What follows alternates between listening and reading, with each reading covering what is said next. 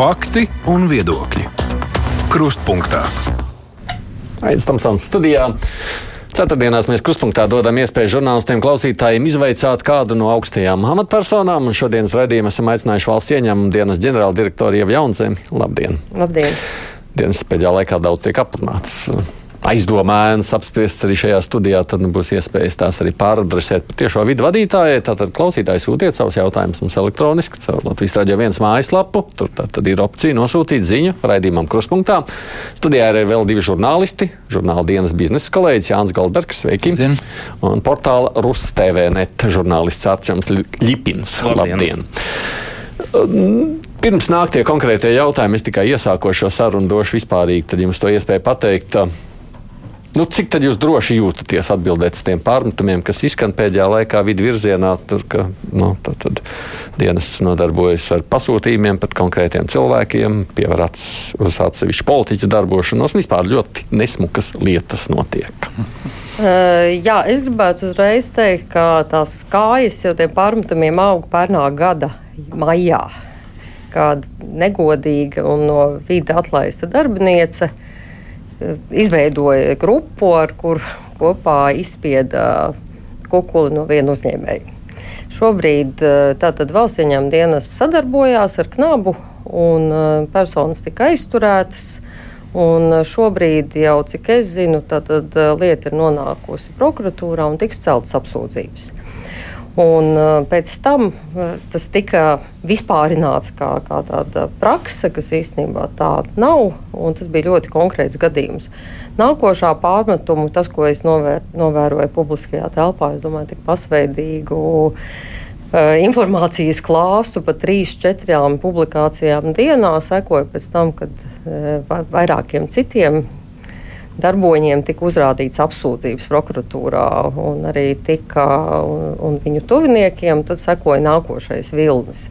Tāpēc es saliktu šos divus notikumus, kas īstenībā nav saistīti, bet lasot arī izdevumus, varēja konstatēt, ka intereses ir satikušās vienai personai, kura izspiež kukuli ar personām, pret kurām ir ierosināts krimināla procesa intereses sakrita. Rezultātā arī tika, es domāju, nevis domājam, tas pārliecināti, tad apmelojuma kampaņa arī tika uzsākta, par kuru arī ir vēršanās notikums tiesību sargājušās iestādēs. Un mērķis? Tātad, lai mēs saprastu Vai tā ir patiesība? Nē, es sapratu, kāpēc jūs vēršaties, jā, bet mērķis nu, tai kampaņai pret jums, jūsuprāt?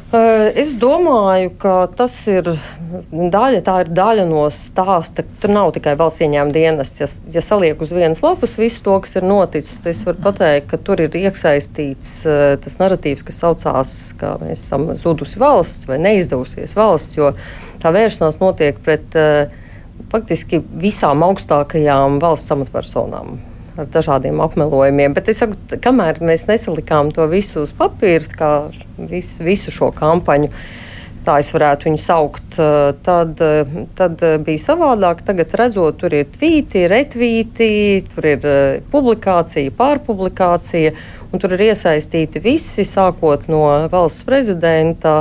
Un beidzot, es teiktu, Latvijas rādio, Latvijas televīzija, visi, kas nu, ir valsts tādi atbalsta vai teiksim, svarīgi valsts elementi.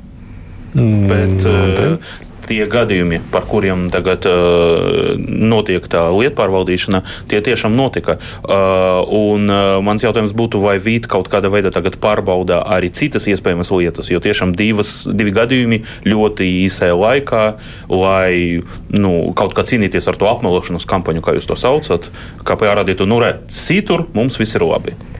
Kuru jūs saucat otro lietu? Nu, jūs tikko teicat, ka bija tāda uh, Rāmoliņa kunga lieta, uh, un mm. tad vēl, vēl bija apsūdzības vērstas pret citām vidpersonībām. Tas jūsu teiktais. Bija. Nē, tas bija, ko es teicu pret, nē, tas nebija pret vidpersonībām, tas bija pret uh, konkrētām personām, pret kurām krimināla process bija uzsākts pamatoti un nodots krimināla vajāšanai. Jā, jā. Okay. Tā kā, tā kā kopā ar prokuratūru kopš tā laika tiešām ir pārbaudīts liels skaits lietu. -hmm. Tiešām viņš ir veikts, un, un arī es domāju, ka tā, tas ir ļoti skrupulozi izdarīts, īpaši tām personām, kuras ir iesaistītas noziedzīgos nodarījumos, ir atrastas nepilnības, bet ne tādas, ka tās būtu, teiksim, mēs runātu par nepamatot ierosinātiem krimināla procesiem, jo šajā gadījumā tas izņēmums bija.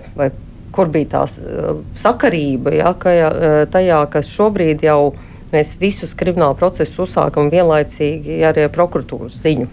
Šeit uh, cilvēki bija gājuši uz risku, tiešām reāli bija gājuši uz risku, jo viņi, uh, viņi bija uzsākuši kriminālu procesu bez konsultācijām ar uh, policiju, ar prokuratūru. Tas nāca gaismā diezgan ātri, bet to risku viņi bija gājuši. Kāpēc viņi to bija darījuši, tas droši vien tiesas procesā tiks noskaidrots. Jā. Nu, tad jau jāprasa, vai pret to Latvijas lapas un Jurģa liepnieku, kā tur bija. Prasīja viņiem, kāds viņus tur izmeklēt vai nē. Jums ir pārliecība, ka tas ir tie ir apmelojumi. Jeb... Lūras kundze pati intervijā de facto pateica, ka krimināla procesa ir ierosināts pamatoti. Šobrīd eh, tātad nav pamata un arī un prokuratūra, kā teikt, to procesu ir redzējusi un arī ir uh, izvērtējis. Jo man, kā iestādes vadītājam, valsts ieņēmuma dienas vadītājam, man vispār nav tiesību iejaukties šajos procesos, ja nu vienīgi mani procesa virzītājs neinformē. Jo, ja ir vajadzīga palīdzība no citām iestādēm, viņš man var informēt, un tas var notikt. Šajā gadījumā e, procesu, kā es varēju var tikai ap, apgalvot, tas, ko ir teikusi pati, pati izmeklētāja, ka viņš ir ierosināts pamatot un prokuratūra to apstiprina.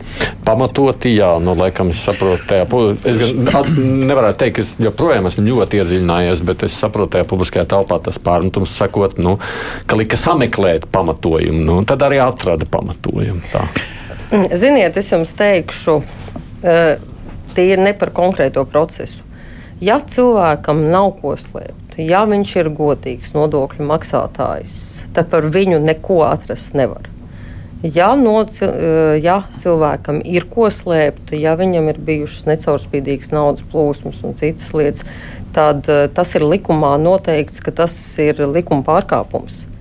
Un, eh, tāpēc es visiem varu ieteikt dzīvot tikai tādu dzīvi, kur nevar neko atrast. Un es domāju, ja manā dzīvē būtu kaut kas, ko varētu atrast pamatots, tas jau sen būtu atrasts. Un es zinu, ka tādēļ es savu dzīvi esmu dzīvojis vienmēr ar pārliecību, ka neko nevar noslēpt.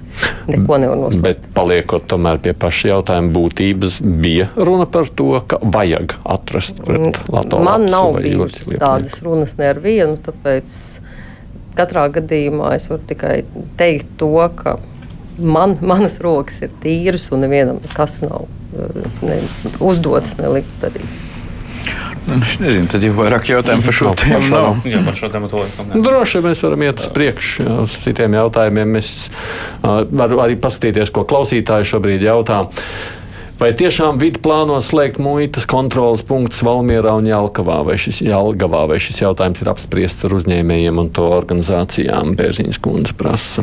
Jā, mums ir plāns, ka mēs izvērtējot efektivitāti, varētu samazināt struktūra vienību skaitu. Jā, tāds jautājums ir dienas kārtībā, jo šo muitas punktu noslodze ir ļoti neliela un tas resurss, ko mēs tur izvietojam, ir pietiekami liels. Šobrīd mums ir būtisks problēmas uz sakrā ar sankciju kontroli. Tā, kāpēc problēmas? Tāpēc, ka mums ir 120 vakants un mums ir vajadzīgi papildus spēki. Šāds jautājums ir dienas kārtībā. Mm, kas, bet vienkārši nav vēl lēmums pieņemts. Nē, lēmums nav pieņemts, bet uh, dienas kārtībā viņš ir. Protams, ka mēs konsultēsimies ar uzņēmējiem uh, par to, ko darīt un uh, kā viņiem būtu ērtāk noformēt šīs uh, savas uh, kravas.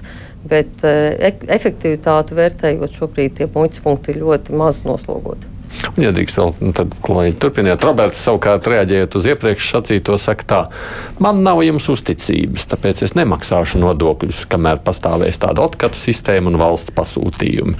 Sāciet ar sevi pirmkārt, likvidējiet korupciju, tad jums arī būs nauda. Ziniet, viņš jau nemaksā valsts ieņēmuma dienestam, viņš jau maksā skolotājiem, ārstiem un ceļu uzturēšanai. Tāpēc šāda pieeja ir nepareiza un arī nav nekādā veidā attaisnojama. Un, un tādēļ man ir tikai viens, bet teikt, jūs jau neapzogat ieņēmumu dienas, jūs apzogat cilvēkus, kas saņem no valsts budžeta algas un pensijas. Un te ir arī pretēja reakcija no Viktora. Viņš domā savukārt tā, masveida uzbrukumi ievai un vidi saistīti ar pēdējo gadu sekmīgu darbu ir aizvērtas daudz ietekmīgu personu kontrabandas piegādes taciņas, noķerti noziedznieku pastnieku un informācijas piegādātāju vidas struktūrās. Tāpēc man ir tikai jums ieteikums straujāk vēl vērsties pret negodīgiem darbiniekiem arī vidu. Jā, paldies par novērtējumu. Jā, es arī tieši tā to vērtēju, jo pēdējo gadu šīs visas lietas, protams, cilvēki bija izveidojuši noziedzīgas saites, un tas viņiem bija izdevīgi. Šobrīd, kad nav vairs šo atbalsta punktu, protams, dzīve kļūst daudzreiz grūtāka, un es arī tiešām to zinu, ka nevar ievest vairāk, un ir problēmas ar to. Nav, nav kam kam, kam to visu saorganizēt. Tāpēc, tad, kad es nācu strādāt vidē, es pateicu, ka es to darīšu. Un es pieņemu, ka toreiz visi domāja, ka es atkal, nu, tā kā visi tur nu, parunāju, parunāju, ko.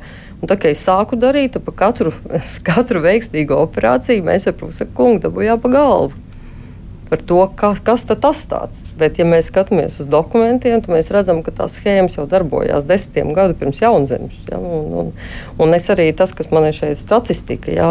nu, diezgan, tā, diezgan skaidri, ja? ka no iepriekš eh, personas nodarbojās ar noziedzības novērošanu, jo bija pat trīs gadiem astoņi krimināli procesi. Ja? Nu, ne jau tāpēc, ka nebija tās schēmas, schēmas jau bija. Tad, kad es atnācu, mēs tiešām sākām strādāt uz rezultātu un, un rezultāts arī neizpalika. Ja? Un, kas, par ko man ir liels prieks tieši arī par pēdējo tiesas lēmumu Terhovas lietā, ir, kad es atnācu, bija gadījumi, ka desmit gadus un atgriežas tajā pašā darba vietā jā, ar uzvarošu smaidu. Tagad skaidrs, tiesa skaidri pateikusi par šito nodarījumu reāls cietumsots vismaz trīs gadi. Un es domāju, ka cilvēki aizdomāsies par to, vai vajag ņemt to kukulu. Bet tieši runājot par korupciju, jā, bija uzsakti vairāki procesi, bet korupcijas, korupcijas uztveres līmenis pēdējo gadu laikā ir diezgan nemainīgs Latvijā. Viņš 22. gada bija 59. Un viņš, piemēram, 16. gadā bija 57. Nu, jau, jau lielāks, jau labāks, bet nu, tas sešu gadu laikā, piecu gadu laikā uz diviem punktiem pieaugums nav nu, diezgan labs rādītājs. Ar ko jūs to saistāt? Kāpēc korupcijas uztvere joprojām ir diezgan zema Latvijā? Mm. Es gribētu teikt uh, to, ka pirmām kārtām šis, kā jau tikko teicu, ir pirmo reizi mēs redzam, ka, kā notiek korupcijas apkarošana. Es tiešām varbūt izklausīsies, ka es eh, pārāk daudz lepojos ar to, bet eh, pusotra gada laikā no aizturēšanas sots. Nevis kā mēs redzam, tiesa velkās, tad velkās, un tad desmit gadi pagājuši, visi jau aizmirsuši, nevienam nav notiesājuši spriedumu, viss slikti. Es domāju, ka ja mēs turpināsim šādā veidā ar ātru reakciju, lietas spriedums. Un tad cilvēki arī aizdomāsies, tie gan, kas piedalās korupcijā, gan arī sabiedrība redzēs, jā, šeit notiek nevis novietniecības novērošana, bet reāla apkarošana. Un, jā, diemžēl ir vajadzīgs šis publiskais uh, elements. Tāpēc es arī domāju, ka tas, kā velkās un ko mēs dzirdam, atkal turpinās skatīt lietu. Un visi saka, nu, kad viņu beigs skatīt, ja? vai tu tik ilgi dzīvo. Ja?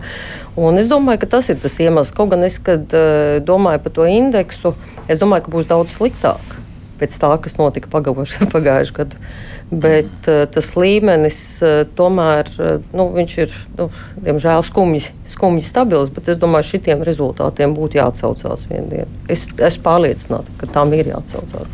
Jā. Es varbūt vēlētos paturpināt to pirmo jautājumu, bet tādā plašākā nozīmē, ka Pēdējā laikā vidi gan VDS darbā, gan ir tas vienotais konts, viss tiek elektronizēts, visu mēs iesniedzam tur paši un pārbauda dators. Un tad ir cik tagad tā vidā darbinieku, 3,5 tūkstoši, laikam, ja es nekļūdos, kaut kur aptuveni tā. Nu, vai nav bijusi kaut kāda doma, ka varētu būt līdzīgi kā Igaunijā, ka bišķi mazāk varētu tos darbiniekus turēt? Vai? Jā, es varu pateikt, ka pēdējo Četru gadu laikā viss ir samazinājies par 600 darbiniekiem. Mm. Katru reizi, kad mēs, kāpēc mums ir vairāk darbinieku kā vidi, jo mums ir funkcijas, ko vidi uh, ieņēmuma dienas citās valstīs neveic.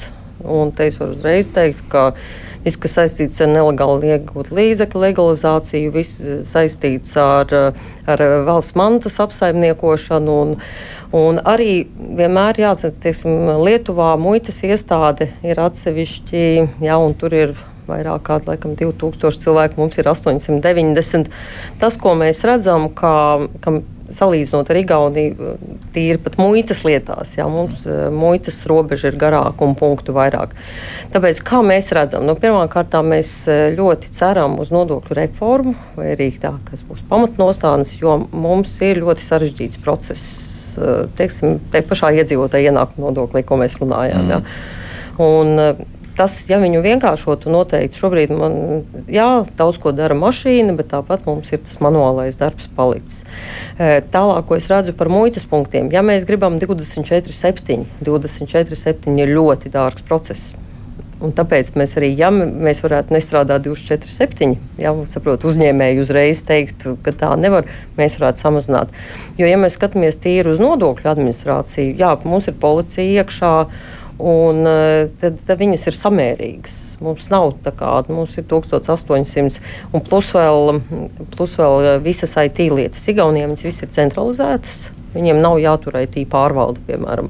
Nu, tā pa mazītiņam savācās uh, uz tām funkcijām, kuras mēs varētu nedarīt. Bet mēs nav gada, kur mēs nesamazinām darbinieku skaitu. Kāpēc? Pēc tam arī algas var palielināt. Bet es redzu arī to, ka ja mēs varētu vairāk vēl iekšējos procesus automatizēt. Un te man liel, jāsaka liels paldies Ašrādam kungam. Viņš saprot, ka mums parasti iedod naudu ārējām sistēmām, bet iekšējām sistēmām neiedod. Ja, un, un tad, eh, tad mēs arī pat, nu, atrodot iespēju, ja mums reizēm no naudas, nu, mums nav naudas, ko nofinansēt. Bet es vien, viennozīmīgi varu pateikt, ka 24, 7 plus sarežģītā normatīvā bāze, tās mums neļauj eh, nu, tik sašaurināties, kā mēs gribētu. Bet bet, mēs ja esam atvērti. Drīkst, Roberta, jautājums, nu, bet tad pajautājiet, kad beidzot maziem komersantam tas bankas konta algoritmi pašā aprēķinās nodokļus, nevis tie dārgie grāmatveži. Nu, ko tad jūs darāt lietas labā, lai šo nomaksu mazajiem vienkārši? Mm, valsts ieņēmuma dienas pagājušajā gadā bija gatavs jau jūlijā, saimnieciskās darbības ienākuma konts bija gatavs jau jūlijā varēja, kā teikt, diemžēl finanšu institūcijas teica, ka viņi neredz tur biznesu, un es varu piekrist, jo viņš bija likuma, nu, likumā viņš ir tik šauri orientēts, nu, tik šauri, ka tie gribētāji sanāca par maz. Es domāju, ka paplašinot šo saimnieciskā darbību, ienākumu konta darbību, jā, tieši tas viss varētu notikt. Viņam dienas ir izveidojis to platformu. Tas nozīmē, ka tā, tās ir politiķu lēmums paplašināt šo te. Jā Viennozīmīgi. Konta apsaimniekotāju. Jā, loku, tieši jā. tā. Tur var radīt citus mehānismus un, un lūdzu, tāpēc, ka līdzekļi ir ieguldīti lieli šajā visā. Mēs esam izveidojuši, lūdzu, nākiet lietojiet. Mhm. Uh, turpinot par darbiniekiem, uh, janvārī intervija tieši, liekas, Latvijas rādio. Jūs teicāt, ka gribētos, protams, lai budžetā būtu vairāk naudas iedots uh, vidam, uh, un arī teicat, ka jūs cīnāties par algām un cerat, ka aprīlī, kas ir nākamais, tagad nākamais mēnesis, mēnesis, darbinieki saņems vairāk, un tīpaši muitas darbinieki, jo viņiem tas darbs ir lielāks un sarežģītāks. Tagad jau martā var teikt, ka aprīlī tas būs pieaugums algā un cik liels, un tagad jau mums ir budžets, kā, kā jums tas patīk, kas ne, kam pietiks, kam nepietiks. Jā, tā tad 1. aprīļa algas tiks paaugstinātas galvenokārt divām galvenajām kategorijām - muitniekiem un nodokļu speciālistiem, jo muitniekiem zemākā alga bija 791 eiro. Būs virs tūkstoša noteikti. Tiecamies Minimāla. uz vidēju algu. À, vidē. Uz vidēju algu nu, protams, mēs vienmēr gribētu vairāk, ka 1500 ka būtu, bet vienalga būs būtisks algas pieaugums gan muitniekiem, gan nodokļu speciālistiem un arī IT darbiniekiem, jo mums skaidrs, ka, ka tā ir tāda nozara, kur, kur mums ir jāinvestē. Jāsaka, tā mēs esam apmierināti, ka mēs varējām to izdarīt. Protams, vienmēr gribās izdarīt vairāk, bet uh, esam priecīgi par to, kas ir. Un, ja mēs runājam par, par citām, jā, mums ir līdzekļi tagad arī IT sistēmu turpmākajai attīstībai, jo, jo mums vēl joprojām ir sistēmas, kas ir 99. gada. Un viņas ir jāizvieto. Mēs mainīsim, turpināsim mainīt to dzinēju lidojumu laikā, jo mums tās sistēmas ir jāatjauno visas pamazīt, nu, pa vienu pēc otras. Tā kā es varu teikt, mēs ar savu budžetu, nu, neviens, kā mēs vienmēr zinām, ar budžetu nekad neviens nav apmierināts. Ja? Mē, bet mēs esam pateicīgi pirmo reizi, paldies arī Ašrādam pirmo reizi kopš 2016. gada valsts ieņēmuma dienestam ir palielinātas algas tieši atslēgas cilvēkiem. Mhm. Nu, labi, daži klausītāji jautājumi, kā skatoties. Zana raksta šādi, vai var lūgt vidi nelielīties par rezultātiem, ja katrs maksātājs, pieņemsim, nodokļu maksātājs, ieejot gan beju restorānos, joprojām nesaņem čeku. Tikai izsit pirmčekus un viss. Jūs taču izlapojāties, ka pieķērāt, ciet nevērāt, jo lūk, politiķa biznesa. Bet viņi tik turpina visus ieņēmumus laist gar kasi. Jāsaka, divas lietas. Pirmkārt, gan Bejs samaksāja visus viņam uzrēķinātos sodus, kas bija miljonos rēķināms. Kas nu, bija, tas bija, un nevis par aizvēršanu bija runa, jo kā mums arī pārmet, jūs jau darat visu, lai aizvērtu, mēs darām, lai nodokļi tiktu maksāti. Tas, ko mēs paši grēkojam, ja mēs gaidām, ka valsts ieņēmuma dienas atnāks, un es, es personīgi sēžu kafejnīcā tik ilgi, kamēr man to čeku atnes. Un es vēl atgādinu par to, ja kāds to nav izdarījis, es saku, atnesiet manu čeku. Tas ir principā mūsu katra kā pilsoņa pienākums ir šo čeku dabūt jau rokās. Tāpēc es domāju, ka visa tā liela daļa problēmas tajā, ka mēs gājām, atnāks valsts ieņēmuma dienests ar visiem, jā, visiem simts auditoriem. Jā, Bet, ja jūs izdarīt. zināt, ka lietas tā nenotiek, nu, tad taču vienkārši vajag atkal pieķert un darīt. E, jā, un jāsaka, man arī, man, man arī jāsaka, es atkal nu, lepošos, jā, mums ir regulāri reidi ēdināšanas iestādēs, un jāsaka, tā, es biju patīkami pārsteigta, ka no, ka no ap, apsekotajiem 10% bija pārkāpumi, kas mēs domājam, ka pēc Covid būs daudz sliktāk. 10% bija pārkāpumi. Pēdējā laikā esam kopā ar policiju identificējuši tādus lielāka vēriena pasākumus, ieskaitot veikalu, alkohola bez akcijas. Jā, mēs to regulāri darām, un, un tas tā arī notiek. Jā ka mēs ejam un taisām tos kontrolu pirkumus, un tiem, kuriem nav tie čeki, tiem arī tiek piemēroti sodi. Mm -hmm.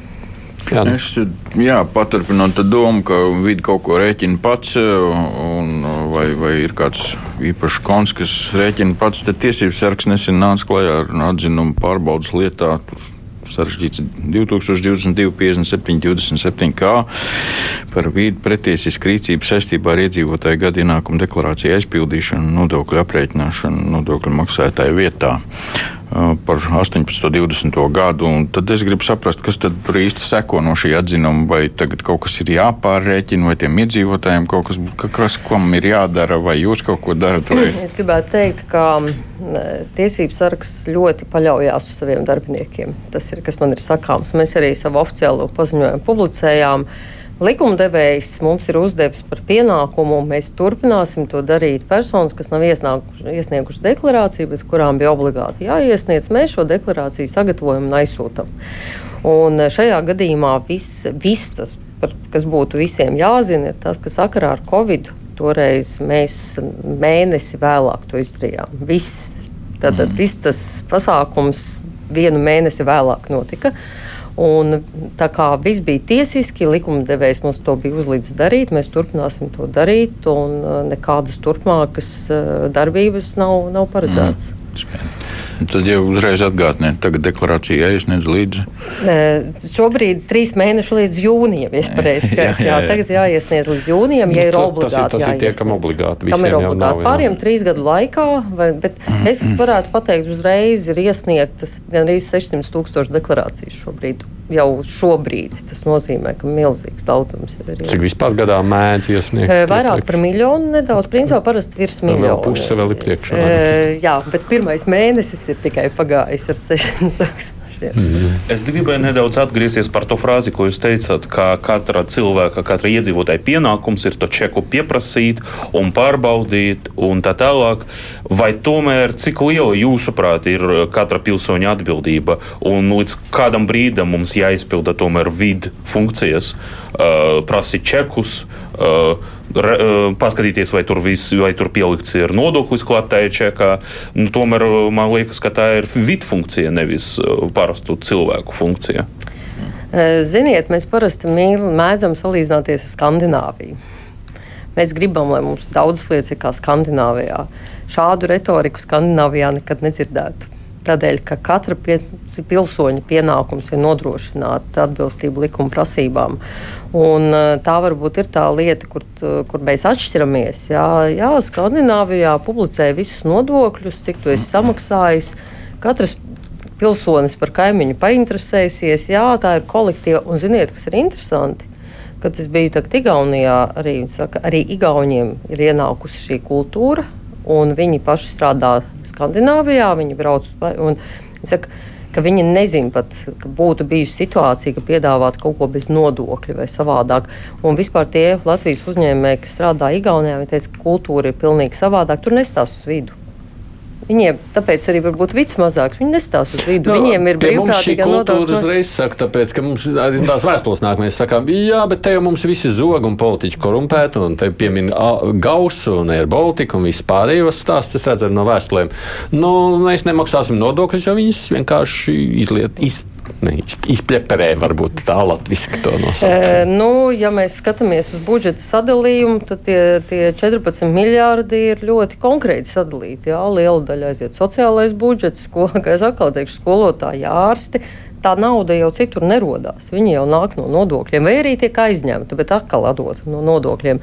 Tāpēc man, man tiešām patīkami pārsteidz tiešām tā igauņu Igauņu pieeja, jo viņi arī saka, viņiem 90% ir labas kvalitātes vai augstas kvalitātes morāles uzņēmēji. Mūsu gadījumā mēs runājam par 60%. Bet kāpēc? Jums liekas, kāda ir tā atšķirība? Igaunija nav tauta, nav Skandināvija. Mums ir diezgan līdzīga vēsture un konteksts, bet Igaunija lūks ir tāda un Latvija ir šitā. E, nu, ko es varu pateikt, to, ko paši Igauni par sevi saka, nu, kā, nu, kā, kā par savādāk. Jā? Nu, katrai tautai es neņemos, neņemos spriest, kāpēc ir tieši Igauni ir veiksmīgi. Tas, ko viņi paši saka, jā, viņi Skandināvijā strādā, daudz somu uzņēmumu še, pie viņiem strādā. Un tas viņu to morāli padara savādāku. Tāpēc arī es saku, kad es satieku ar Igaunu kolēģiem, satiekos vai Somu kolēģiem, protams, uh, Ciet, mums arī darba būtu daudz mazāk, ja būtu tā kā, tā kā Zviedrijā 91% brīvprātīgās, labprātīgās nodokļu nomaksas. Tur nav diskusija par to, jo visa sabiedrība tā nosodīs to, kas tāda nepreiz, ka tu tā, to negribēsi izdarīt otrais. Tieši par to labprātīgo nodokļu saistību es, es skatījos, es redzu, jums tagad ir gatavs jau vīt stratēģija uz nāk, topošajiem četriem gadiem. Es apskatījos vīt stratēģiju no 20. līdz 22. gadam. Un tur vien, divi mērķi bija. Bija daudz mērķu, bet tikai laikam divi vai trīs bija ar konkrētiem skaitļiem, ko var tagad pārbaudīt. Uh, viens bija, ka lab, labprātīgas nodokļu saistību izpildes līmenis, nodokļu maksāšana būs 22. gadā 70%, un arī labprātīga nodokļu deklarēšana būs 59%. Vai tas tika izpildīts? Jā, es varu teikt par, par nomaksu bijām pārlieku optimistiski tiešām vairāk par 60% neizdevās. Un ne jau, ne jau es varu teikt, ne jau mēs ar vārdu to, nu, kas ir labprātīgā nomaksa. Tas ir tad, kad deklarētais tiek samaksāts. Es, protams, lielu uz, varētu likt daudz uz Covid laiku, jā, bet Covid laikā pat bija labāk. Tur mēs 61% dabūjām. Bet uh, skaidrs ir, ka mēs bijām ļoti optimistiski. Mēs domājam, ka mēs to skandināvu līmeni sasniegsim, nezinu, desmit gadu laikā, bet laikam tas, tas nebūs lemts. Savukārt par deklarēšanu, jā, deklarēšanu mēs esam faktiski sasnieguši tos 59%. Un, un es varu tikai teikt to, ka vismaz, ja deklarē, arī labi. Jā. Vienīgais tas, ko mēs redzam, ka nodeklarē un nesamaksā un aug parādu apjoms. Bet jā, te ir ir par ko padomāt un ir ko padarīt. Ambīcijas bija lielas, bet tik ātri sabiedrības uzvedība nemainās. Bet kas konkrēti bija darīts, uh, lai sasniegtu šo mērķi? Bez vienkārši izteikumiem, ka tas jādara, vai bija kaut kādas stratēģijas, nezinu, skaidrošana, darbs ar uh, cilvēkiem? Kaut kā, kas konkrēti bija darīts? Mm, jā, tad, tad uh, ja neskaidri tos uh, Covid divus gadus, ko jūs arī zināt, ka valsts ieņēmuma dienas nodarbojās ar atbalstu izmaksu, uh, jā, tika tika izvēlēti tie nodokļu maksātāji, kuriem ir problēmas. Viņi tika individuāli uzrunāti. Tur vēl viens rādītājs, mm -hmm. citu uz priekšu, cik daudz labprātīgi mainīja uzvedību. Jā, 36% mainīja uzvedību. Jā, tas viss uh, tika darīts, lai uzrunātu. Plus, vēl, protams, arī šīs soda lietas, kas vēl līdz galam nav stājušas, kas bija automātiskā sodīšana. Ka, nu, tātad, ja tu neiesniedz pienākās sods, Tad vairāk tika tiešām uzrunāti, arī bija informatīvās vēstules un bija tiešām liela aktivitāte. Faktiski lielākā daļa, kas saņēma šīs vēstules, arī zvanīja un skaidroja, kā viņi varētu mainīt savu uzvedību. Es saku, bet vēlreiz teikšu, diemžēl tas uzvedības modelis nemainās ātrāk kā 2%, 2 gadā. Vairāk es pagaidām neredzu, ka mēs varētu sasniegt arī ar visu to pierunāšanu, informēšanu, konsultēšanu. Igauni arī sūta uh, šīs vēstules par uh, algu neatbilstībām, viņiem veicās labāk, jo reakcijas, jo viņiem ir arī šis reitings, kas būs arī mums, jo nu, likumdevējs lēma. Ļoti baidās, ka parādīsies zaļajā krāsā, iezaksies kāda oranžā, kur nu vēl sarkanā. Ļoti baidās mums. Nu, vai tās bailes būs tik lielas, vai tā interese būs tik liela, grūti pateikt. Jo, nu, nu, kas ja tā, tā morāla ir tāda? Par reitingu gribat kaut ko jautāt? Nē, šobrīd. Jā, es jā, varētu laikam jā. šo pašu vēl paturpināt. Nu, ja nemaldos, pēdējo piecu gadu laikā OECD dati rāda, ka uh, tā ēna ekonomika mums kaut kā aug. Es precīzi tik neatcerēšos, laikam no kaut kādiem 19% līdz 23% vai kaut kā tā. Uh, kāda tad ir tā realitāte pēc jūsu redzējumu? OECD, protams, ir savu metodoloģiju, cik jūs novērtējat šobrīd ēna ekonomiku un kurās nozarēs tā varētu būt visvairāk saskatām? Mēs, mums, jā, mums ir savi aprēķini, mēs reiķinām nodokļu plaisu, un uh, mēs pēdējo aprēķinu gan esam veikuši pirms diviem gadiem, bet es nedomāju, ka tur būs eh, būtiski lielas izmaiņas. Diemžēl es ne, ne, nedomāju, ka būs ļoti uz, liela uzlabojuma, bet mēs lēšam 16,8% darba spēka nodokļu plaisai. Ja mēs runājam par ēnu ekonomiku saistītu ar pievienotās vērtības nodokļu plaisu, tiešām 4,9%.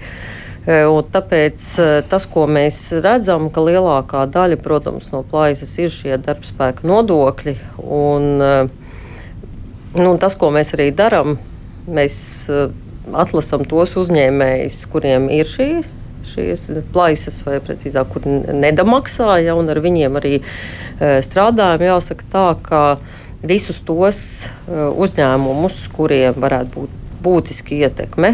Mēs esam, vai precīzāk, kuri ir aktīvi, mēs esam segmentējuši. Mums ir šī segmentu pieeja, uz riskos balstītā pieeja. Un, nu, un caur to mēs arī viņus uzrunājam individuāli. Un, kā jau teicu, un rezultāts jūsu uzrunāšanām? 36% ir mainījuši savu uzvedības modeli, kas ir, kas ir labs rādītājs. Uh, ir tādi, kurus mēs turpinām strādāt ar citām metodēm, tāpēc ka viņus nekas nepārliecina. Viņi teikt, cenšas, uh, vai nu, viņi cenšas, cenšas, kā mēs sakām, nomest uzņēmumu. Te mums arī, kā mēs zinām, rūgtās zāles ir, ja grib atstāt ar parādiem un turpināt strādāt, tur mums ir rūgtās zāles. Nu, ir piedziņas funkcijas, nu, negribās jau visas tās represīvās lietas likt, uh, likt bet kā man arī reizēm kolēģi saka, nu, vienkārši klāja nekaunība. Jā, klāja nekaunību. Viņu var uzrunāt, un pēc tam viņš vēl raksta saka, ka viņš tiek apbižots. Es biju par tiem 16,8%. Tas, plais, tas nozīmē, ka tās ir 16,8% tas ir aploksņa augs, ja kā, kā tas jāsaprot, ja pret IKP tā ir summa kaut kāda, kas, kas ne, tas, tas ir. Ir aprēķinātais pret to, kas būtu, jā, kam būtu jābūt. Jā, mm -hmm. tā, ir, tā ir aploksņa algu daļa. Un par nozarēm mm. runājot, tā, tad, nu, tās jau ir tās izplatītākās mazumtirdzniecība, vairumtirdzniecība, būvniecība. Nu, tagad arī valdības, rīc, e, valdības e, plānā būs arī medicīnas pakalpojumi. Bet tas, ko es, ko es redzu, un ko man kolēģi redz, ka tā summa nesavācās no lielām summām, viņa savācās no daudzām mazām summiņām. Un tā ir tā, ir tā nianse, ka, ka tas nav tāds, ka tu aizēji, jā, ka, ka tur, tur būtu. Jā, lielie uzņēmumi pārsvarā ir ar labu nodokļu maksāšanas disciplīnu. Viņi ir tie, kas to budžetu arī piepilda, un viņus mēs arī ar savu klātbūtni daudz netraucējam. Bet, kā jūs arī redzat no pēdējām aktualitātēm, darba aplūkšņa algu jautājumos, kur divi krimināli procesi ir nodoti, jā, kas bija pietiekami cienījams liels uzņēmums. Un, ja par nu, absolūtajās summās tos 16,8% aprakstīt, tas būtu cik ir neieņemtie nodokļi. Tur Es 100 jums, miljonu, miljards. Tā, es jums tūlītās diezgan precīzi pateikšu. Tā, cik, lai rodas priekšstats par to, ko, par ko mēs runājam. Būt. E, varbūt par to priekšstatu, jā, mēs runājam, tas kopā pēc, uh, ir 1,2 uh, miljārdi, ko mēs redzam, bet jāatcerās viena lieta, ka no šodien uz rītu uz pusdienas laiku, ja mēs aizietu un teikt, nu, visi tagad liekam kārtas galdā un, un, un es varu pilnīgi skaidri pateikt, ka uzņēmumiem tas, eh, tas, tas nebūtu. Nu, viņi vienkārši nevarētu to izdarīt. Mm. Kāpēc? Tāpēc, ka tas modelis tad ir jāmaina pakāpeniski, un tāpēc ir tie mūsu priekšlikumi par tiem pašiem nodokļu rēķiniem, ka ir vienošanās iespēja ar nodokļu maksātāju, ka viņš maina savu modeli, iz, darbības modeli. Un tas ir tas, ko Igauni dara. Ja? Tad, tad ir vienošanās, ok, tev ir zemāk, tev ir neatbilstības, bet tu vari tev tad, tad ir jāmaina savs maksāšanas grafiks, tev ir jāmaksā normāli nodokļi, normāls algas. Mm. No tādā veidā. Ne, jo citādāk būs biznesa cietiem. Es atgādinu tikai klausītājiem pa vidu, ka mums šeit studijā ir valsts ieņēmuma dienas ģenerāla direktora Ieva Jaunzeme, divi kolēģi Arčuns Ļipins no Rustēvēnet un Jānis Goldbergs no dienas biznesa. Raidījums Krustpunktā. Pāris vēstules, kas drīzāk ir reakcijas, droši vien ir vērts arī nolasīt. Gunārs raksta šādi. Es ļoti sveiciens un gribu pateikt paldies tai vidi darbiniecei, kura mani atrada, sociālos tīklos sameklēja, lai pateiktu, ka man no vidi ir atsūtīta vēstule par nenomaksātu maksājumu 5 eiro apmērā. Man tā bija iekritusi mēstulēs. Otra vidi darbiniece to teikusi, nu nemaksāsim līdz ar to viņam to pārmaksāto naudu, kas bija 1000 eiro. Es nebiju nomaksājis vienu 5 eiro parādu. Man izdevās iekļauties termiņā beidzamajā dienā. Un tāpēc es saku, lai jums ir vairāk tādu cilvēcīgu darbinieku vidu un mazāk tādu, kam skauž. Daudz tāda interesanta pieredze vienam klausītājam šeit ir bijusi. Un savukārt vēl tāds, acīm redzot, nu, no savas pieredzes cilvēks grib pateikt, labi, Klaus raksta tā. Es secinu, ka pēdējā laikā vidus darbs ir uzlabojies. Mums tas ir pārgājis jaunā fāzē. Es redzu, runā, mums palīdz un nesoda. Tā kā arī tāda lūk pieredze klāvam. Ziniet, ja mēs skatāmies objektīvi uz tām, tām socioloģiskām aptaujām, tad valsts ieņēmuma dienas ir otrā vietā no visām iestādēm ar apmierinātības koeficientu 7,1. Un, ja mēs skatāmies pēc uzticības līmeņa valsts ieņēmuma dienestam, mēs vienmēr esam bijuši plusos. Tas ir virs 40%. Ja mēs skatāmies uzticību valdībai, visiem pārējiem, kas ir mīnusos, Eh, protams, mums ir ambīcijas, ka mums būtu vēl augstāks šis reitings, bet par visam saku, mums viņš eh, nav zems. Mēs gribētu teikt, viņš pat ir ļoti augsts. Jo, jo principā tādu pavisam negatīvu vērtējumu tajās skalās ir, ir maz. Jā, varbūt, tā kā, tā kā tādā ziņā, saprotiet, tur jau tā lieta, uz ko tas, tas eh, narratīvs par neizdevušos valsts arī balstās. Skatiet, skatās tikai uz to vienu, vienu sadaļu, bet ja mēs skatāmies to kopēju pakalpojumu klāstu, kas arī teicu, tie kontrolas pasākumi. Mums ir mazākumā. Mums ir desmit tūkstoši konsultācijas mēnesī. Tas ir, mums ir principā jebkurš cilvēks var saņemt atbildi uz savu iesniegumu 5-6 dienu laikā. Tā ir oficiāli, tas ir vienīgais, kur ir tā, tā arī, varbūt arī tā starpība starp, starp Latviju un citām valstīm. Tie, kas ir tas medus karoti, viņi, viņi ir teikt, ļoti lieli, tiek, un, un savukārt tas medus muciņa tāda maziņa. Ja? Jo, jo tiešām, tad, kad tie, kas ir saņēmuši pakalpojumu, kāpēc cilvēki tik daudz iesniedz deklarācijas? Tāpēc, ka tas neko neprasa. Tu ieej iekšā, atver, nospied pogu daudzos gadījumos un saņem naudu. Eh, un eh, jāsaka tā, ka to ir es ļoti lepojos ar savu komandu, jo mēs katru gadu izdomājam kādu vēl veidu, lai vēl vairāk atvieglotu. Ja, tas atkal par to stāstu. Jūs aizsūtījāt viņam deklarāciju. Mēs cilvēkam esam izdarījuši viņa vietā, kā man amerikāņu kolēģi teica, oi, nē, es ar to nodokļu deklarāciju, nē, es tur algoju cilvēku, es to nevaru izdarīt. Ja? Pie mums katrs cilvēks ir spējīgs iesniegt savu deklarāciju, saņemt atpakaļ savu naudiņu Un tas viņam neuzliek, kas principā prasa ne vairāk kā desmit minūtes. Es par to tieši automatizēšanu runājot. Es tiešām piekrītu, ka nu, aizpildi deklarācijas nav ilgi parasti. Uh, bet rekords piemērs, ko, ko tieši uzrakstīja, ka vajadzētu atmaksāt 1000 eiro 5 eiro sodu naudu nesamaksāja, un ja viņam nepaveiktos ar to vidu darbinieci, tad viņš to arī tūkstoti nav, nav būtu dabūjis. Vai nebūtu vieglāk izdarīt, ka vienkārši šo sodu atņem no atmaksāšanas naudas, un tad 995 eiro atmaksā? Nu, tā jau arī būtu bijis. tā jau arī būtu bijis. Nav jau tādas soda sankcijas, ka tu tur nesamaksāji. Jo, Tas klausītājs vienkārši ir kļūdījies. Nē, nu, saku, tur tās situācijas, jūs, ja jums ir pārmaksa, jūs vienmēr viņu dabūsiet. Mēs, mēs teiksim, kā teikt, par spīti tiepsības sargam, turpināsim jums ar viņu uzmākties. Jā, mēs, un mēs to esam darījuši vienmēr. Ja jums no valsts pienākās nauda, mēs viņu vienmēr jums atdodam. Un vienīgais, kur mums var būt ar jums tās problēmas, mēs rakstām jums to vēstuli, ka atsūta kontu, atsūta kontu, mēs tev iedosim daudz. Jūs nekam mums viņu nesūtat. Ja? Tad mums ir, tad paiet trīs gadi, un tad cilvēks atver to e-pastu, vai man pienācās nauda, bet tad ir tā summa ir zēsusies. Ja? Mēs vienmēr esam cilvēkam gājuši pakaļ ar to naudu, kas viņam pienākās. Trīs gadu laikā dzēšas. Uh, jā, man liekas, pareizi atceros, trīs mm. gadu periodā. Jā, tā, kā, tā kā tajā brīdī, kā mēs diskutējām pirms tam, tā viena diena šurp turp, tā tomēr ir. Protams, ja cilvēks ir bijis slimnīcā ar amnēziju, vispār, jo, protams, mēs arī varam pārskatīt to. Bet tad uh, valsts ieņem dienestam nav kontaktu konti ar visiem iedzīvotājiem? Uh, ir uzrādītie konti, bet ne, viņi vienmēr nav aktuāli. Ah. Un, viņi, un mēs tādēļ vienmēr pārprasam, tomēr, jā, mums ir konti, bet kādam, ja cilvēks gaida tur, viņš varbūt nav aktīvi lietojis to kontu, mēs uz viņu pārskaitām. Tādēļ mēs eh, pārprasām tomēr, lai būtu pareizi, mm -hmm. jo, jo tiešām situācija var būt dažāda. Ja viņš varbūt sen jau tur, tur viņu nelieto. Mm. Lūdzu. Viss par, par, vēl par, par ēnu ekonomiku un tādām lietām. Un viena no tām sadaļām ir eh, PVN eh, parādi un arī tās firmas, kas likvidējās. Es mēģināju atrast aktuālo informāciju, bija par pērnā gada 1. decembri pēdējo datu nav. Bet kāda tad ir situācija, cik šobrīd eh, ir tas PVN parāda apjoms un, un, un vai kaut kas būs nākotnē jādzēš no viņiem, kā ar to dzēšanu viss notiek?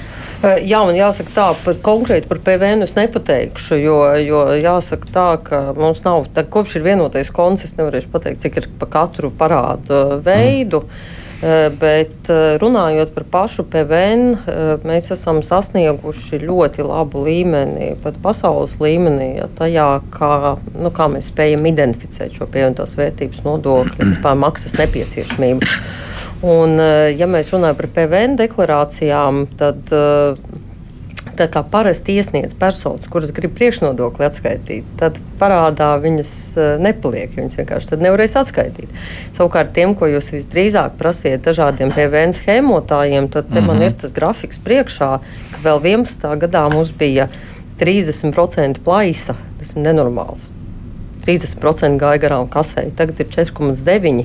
Nu, kas ir tiešām zem Eiropas līmeņa un, un, un vienāds ar Igauniju, lai salīdzinātu. Jo ir aizvērtas visas tās durvis, kas deva iespēju tur mosties, pieprasīt divus miljonus un pēc tam brīnīties ja, un saņemt šo naudu. To mēs izdarījām ar šo algoritmu palīdzību. Un tagad ir vēl pozitīvā lieta, ka mums iet iekšā arī informācija no Eiropas Savienības.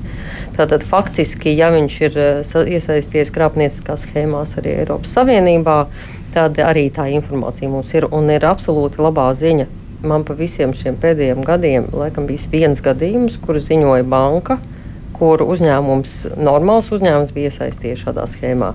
Principā tā vairāk nav prakse, un uzņēmumi to zina.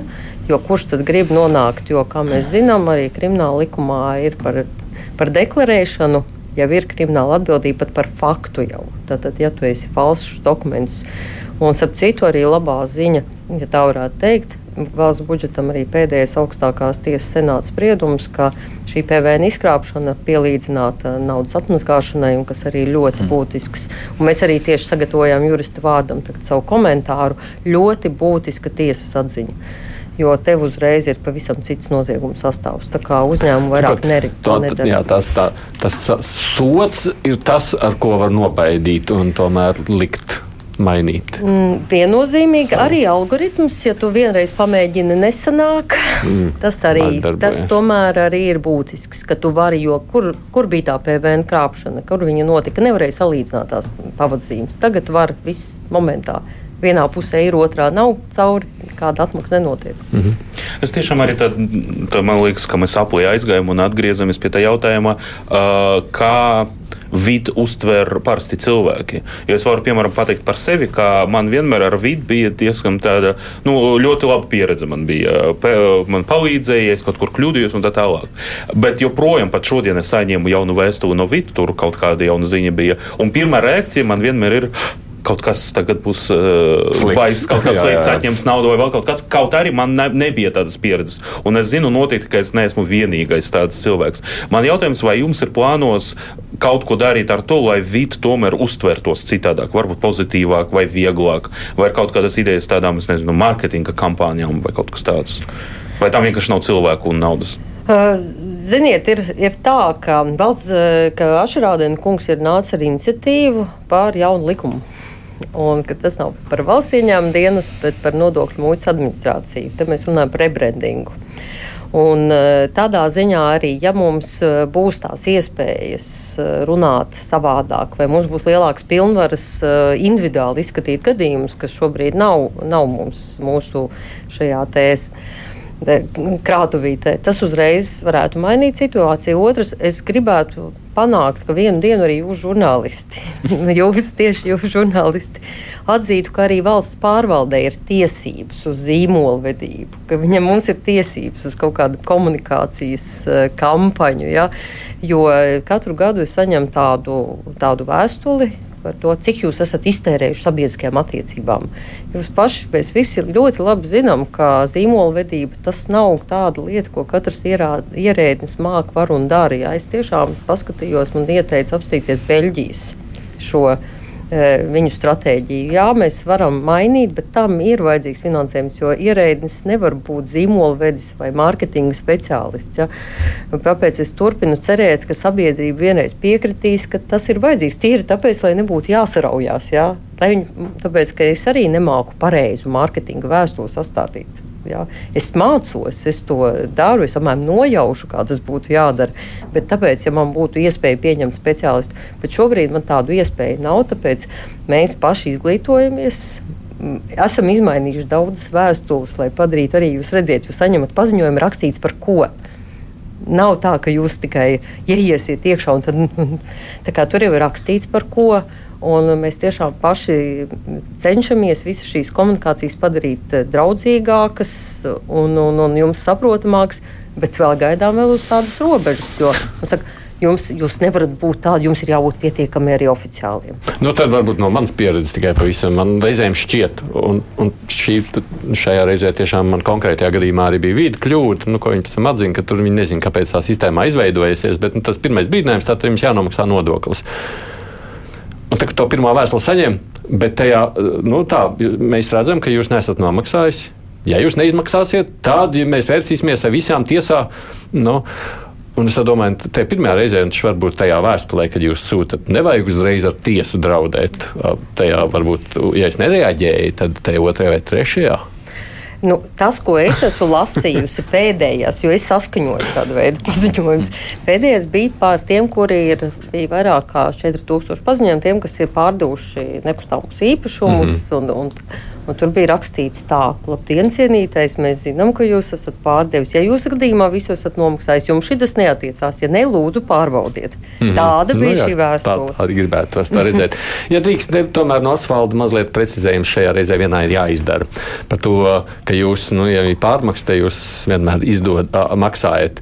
Viņš raksta tā, man bija nopietnas pārmaksas vairāk nekā trīs gadus, bet no vidas neviens ar naudu neuzmācās. Paldies Komercbankai, kas jautājumu aktualizēja pensiju trešā fonda līmenī līmeni tas, ko droši vien šeit ir jāpaskaidro, viņš tā tad nebija, viņam nebija nācis prātā, ka viņam jāpild deklarācija, un zato viņš nezināja, ka viņam ir pārmaksa. Jā, visdrīzāk, jā, jā. tieši tā. Tātad jūs uzmācaties tad, ja jau tā deklarācija ir aizpildīta. Jā, ja mums ir dati, tas, kas ielasās automātiski, kā mēs lietojam to slēngu, visu, kas automātiski ielasās, mēs redzam, visu, ko darb, nav cilvēks nodeklarējis, mēs neredzam. Mm -hmm. Un mēs, protams, droši vien ar laiku nonāksim, kaut gan amerikāņu kolēģi teica, ka tas tāds else nu, ļoti liela iejaukšanās personas dzīvē. Ja? ka mēs visu savāksim no visurienes. Ja, tad mums būs, nu, principā tas būs pavisam tāds skandināvu modelis, ka visu no visiem pagaidām tomēr ir tā griba nedaudz jāizrāda. Kā teikt, mēs runājam par ziedojumiem, ir tomēr lietas, ko mēs nevaram visas iegūt. Mēs, teiksim, ļoti gribētu iegūt visu informāciju arī par bērnu pulciņiem, jo tas, ka cilvēkiem ir jāmeklē viņu, diemžēl nav izdevies ar pašvaldībām uz tam, bet toties labā ziņa, ka no Latvijas universitātes tiem, ka bijuši jau nāk tā informācija. Nu, šeit kā... varbūt tiešām, man, tad, lai klausītājiem tikai pateikšu, es arī nezināju, un mums pēc iepriekšējā raidījuma viens, viens dalībnieks teica, bet vai jūsu klausītājs zina, un jums jāpasaka, tātad, ja jūs esat caur ziedot LV maksā, tātad ziedojuši, tā ir summa, kur jūs varat dabūt atpakaļ kā pārmaksāto nodokli. Tātad, ja jūs esat ziedot LV maksājuši pagājušā gadā.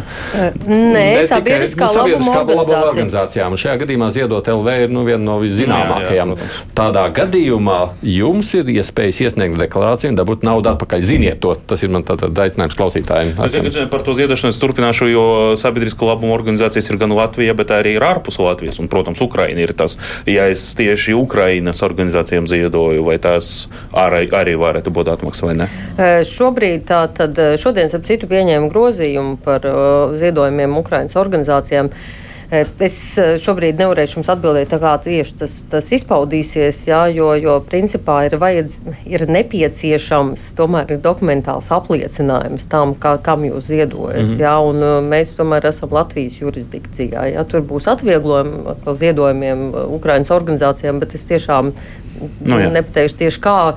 Jo, jo protams, ka nu, šeit ir Latvija. Ja? Šeit ir Latvijas nodokļu maksātāja nauda. Nu, viena, divas minūtes vēl mums ir nevairāk. Kāds ir īsais jautājums jums? Varbūt es tikai gribētu jautāt par to, jo mēs bieži šīs sarunas laikā salīdzinājām Latviju ar Igauniju vai Latviju ar Skandināviju un runājam par mūsu dažādām mentalitātēm. Vai jums ir kaut kādas konkrētas, ļoti parastas stratēģijas, ko darīt. Jo es redzu, ka nu, pēc jūsu vārdiem daudz ir uh, darīts iekšā vidē, sarakstē vai kaut kādās tādas detaļās, bet tieši ar to darbu ar iedzīvotājiem, man liekas, nu, ar to nav pietiekams, kas tagad notiek. Vai jums ir idejas, ko, ko darīt vairāk? Idejas mums ir vienmēr, un, un jāsaka, tā kā es vēlreiz saku, tajā mūsu ierobežotajā budžetā, un arī Finanšu ministrija veids šīs akcijas, vai viņas vienmēr ir eh, tik, mēr, tik sasniedz pietiekamu rezultātu, nu, tas nebūs tā, kas var spriest. Mēs sadarbojamies ar zinātniekiem, tā skaitā arī tiem, kas ir uzvedības ekonomikas. Mhm. Un, un, un paldies viņiem, ka viņi mums arī palīdz ar šīm mārketinga lietām, nu, kur mēs zinām, kāda tā vēstule. Nu, katrs, katra, katrs mūsu uznāciens, jā, vai man, ka es esmu šeit, jā, es vēlreiz to popularizēju, jā, mums ir stratēģija, kā komunicēt. Jautājums, cik daudz no tā visa paņem pretī. Jo, jo ja visu laiku, kā mēs dzirdējam, arī es to nedarīšu, kamēr notiks tas un tas. Jā. Nu, un ir eh, tādā ziņā, es, es ticu, jā, starp citu, kāpēc es ticu? Ziniet, tā, kad es vadīju konkurences padomi, tad kartelis bija, kad mācīja, jaunzem, tu par ko runā? Tā taču ir norma. Tagad jūs redzat, ir pagājuši gadi. Cilvēks, kas tās par šausmām, jālauž visi līgumi, tāpēc, ka ir kartelis. Tad, tad tā evolūcija notiek. Un es gribētu ticēt, ka arī nodokļu nomaksas ziņā tā evolūcija notiks. Es gan redzu, ka tas nenotiek tik ātri. Uh, bet visu laiku pilinot un runājot. Nu, gan sodi, gan šie, šīs pamudināšanas, viņas iedarbosies. Jo es saku, jo man ir pieredze ar karteļiem, un es redzu, kā tas ir izmainījies gan uzņēmēju, gan politiķu acīs. Neviens nenāk pie konkurences iestādes vadītāja. Nu, ko tu uztraucies? Tā taču ir norma. Un toreiz es teicu, nē, tā nav norma, tā ir patērētāja apzakšana. Ja?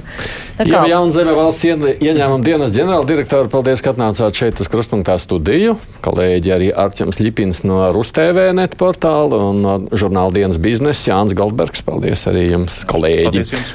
Rīt, kā jau piekdienās notikums komentēs žurnālisti, droši vien daudz runāsim par saimnes darbu, tāpēc par saimnes Gan apturētiem grozījumiem izglītības likumā, gan nobremzēto radio un televīzijas apvienošanu būs jau arī citi temati. Mēs dzirdam, ir daudz lietas arī raisījušas sociālos tīklos tādu viļņošanos. Producents Evi Junām studijās šodien vadīja Aidis Tomsons.